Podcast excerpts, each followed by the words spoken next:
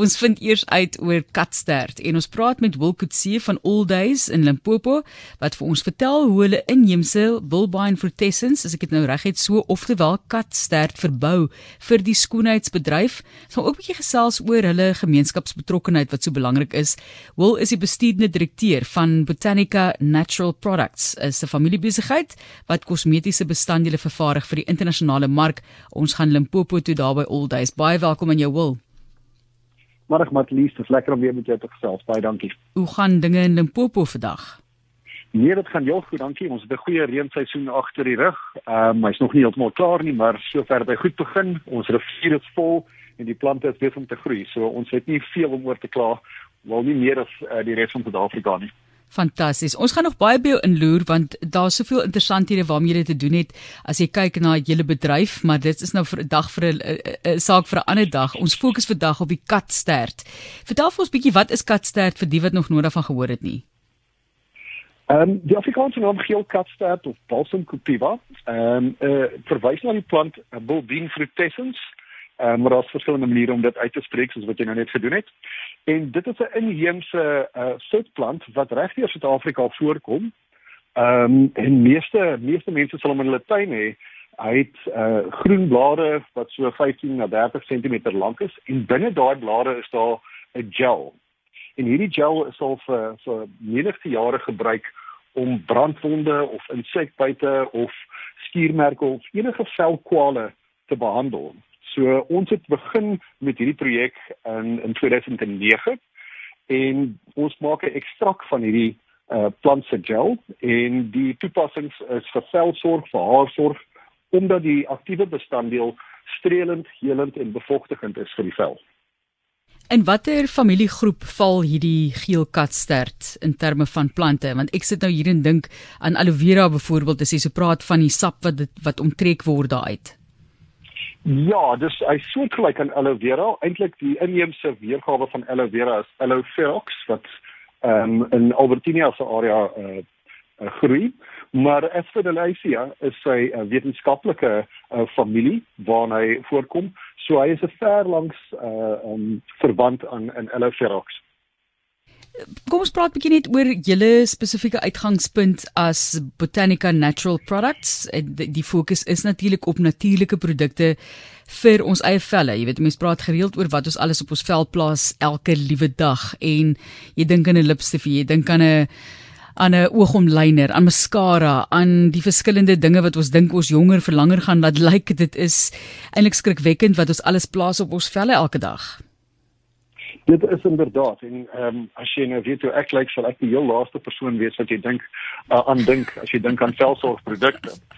Maar ehm um, ons het begin met hierdie besigheid in 2009 uh heel per toeval. Ons was nie in die bedryf nie, ons was nie werklik ehm um, uh, gewasboere nie, maar ons het grond gehad, ons het ehm um, geweet van hierdie plant en dit was eintlik my ma wat my voorgestel daaraan want as 'n kind wanneer ook al ek geval het of as ek weer bygesteek is of suits het sy gehardloop 'n blaadjie gekry en van die gel aangesmeer. En ek dink daar's menigte Suid-Afrikaners wat daai selfde ervaring het.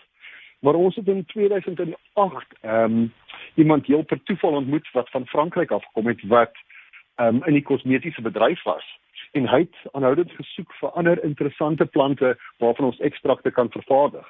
En so heel heel per toeval het hierdie besigheid toe begin toe hy vra vir ons uh, toe hy die plantjie sien wat is dit en wat doen dit en ons vertel vir hom dis my ma se medisonale plant. Hy reik sy oë baie groot en hy sê maar wat is dit en hoe werk dit en waar kan ons daarvan kry? En so het ons toe uh, 'n uh, maatskappy gestig, 'n fabriek opgesit, 10 hektaar organies verbou en te begin om die prosesering hiervan uh, te te doen. Ehm um, en in die begin het niemand dit geken nie. So ons is die enigste produsente hiervan uh, ter wêreld maar ons moes toe deur deur 'n baie lank pad gaan om die kosmetiese bedryf uh geïnteresseerd te kry in hierdie ekstrak. Nou om vir, te verwys na die vraag wat jy gevra het, ons heel eerste mark was Wes-Afrika, en die Wes-Afrika se kosmetiese bedryf. Uh en dit was ook deur die Franse vennoot van ons wat baie werk daar gedoen het. En daarso gebruik uh mense velsorgprodukte om hulle vel ligter te maak of om hulle hare wat hulle noem relax, maar om hulle reguit te maak maar dit is alles behalwe want hulle gebruik aardige chemiese produkte om om hierdie resultate te kry. en hulle het toe hierdie ekstrak van ons afgekoop om dan die vel of die die kopvel weer te genees na die gebruik van hierdie ander uh, chemiese produkte. Watse waarde het dit? So watter rol speel dit in die produkte? So dit is die aktiewe bestanddeel. So jy sal omtrent uh tussen 5 en 10% van jou finale produk of dit nou 'n room is en of dit 'n seep is en of dit 'n shampoo is, sal jy omtrent 5 na 10% van hierdie aktiewe bestanddeel daarin sit. En ehm um, dit is streelend, helend en bevochtigend vir die vel. So ons sê dit is baie soortgelyk aan aan aloe vera, maar is baie meer doeltreffend as aloe vera.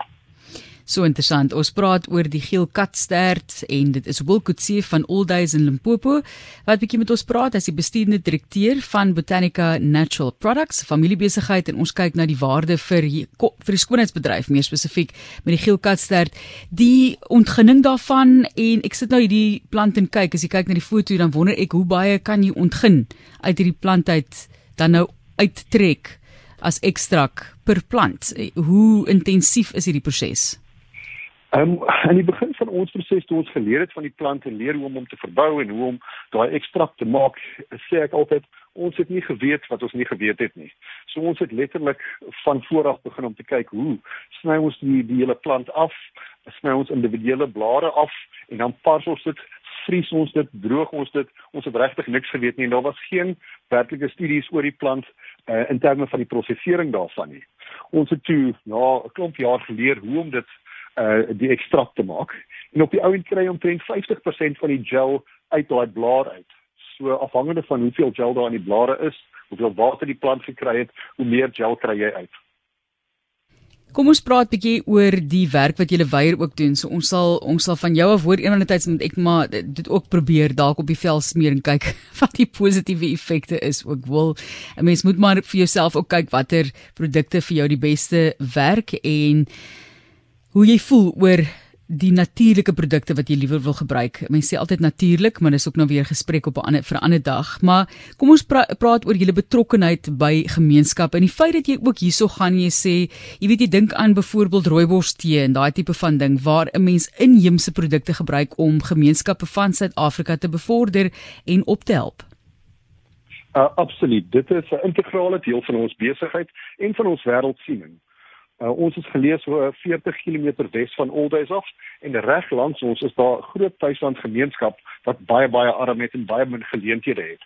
So vandat ons begin het, uh, was hierdie altyd 'n fokus vir ons oor hoe doen ons hierdie maatskaplike opheffing en hoe maak ons seker dat die omgewing uh, volhoubaar bestuur word.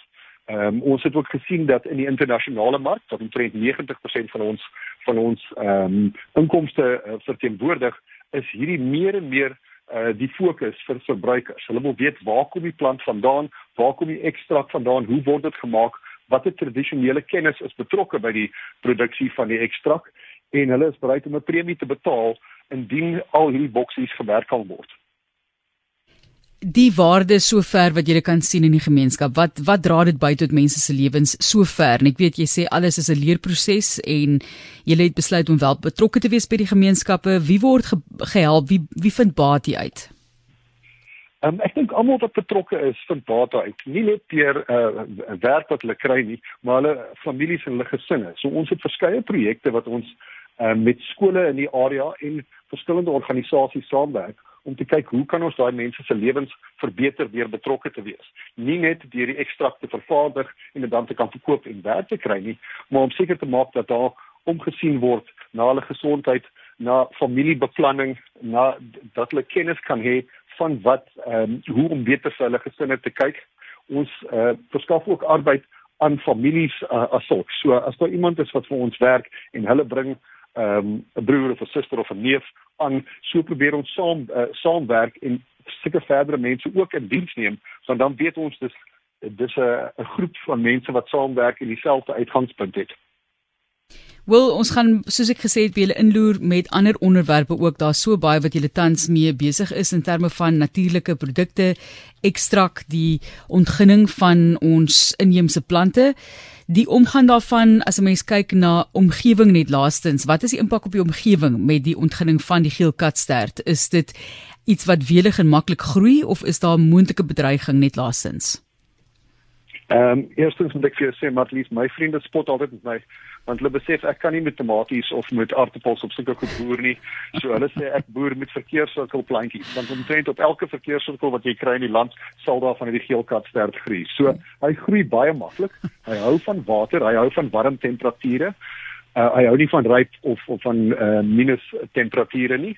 Ehm um, en dit is 'n ongelooflike plant want jy kan hom oes omtrent 90% van die plant en dan binne 3 maande groei hy weer terug. So dit is eintlik 'n baie maklike ding om mee ehm um, uh, te boer, maar natuurlik is die die prosesering daarvan heelwat meer ingewikkeld.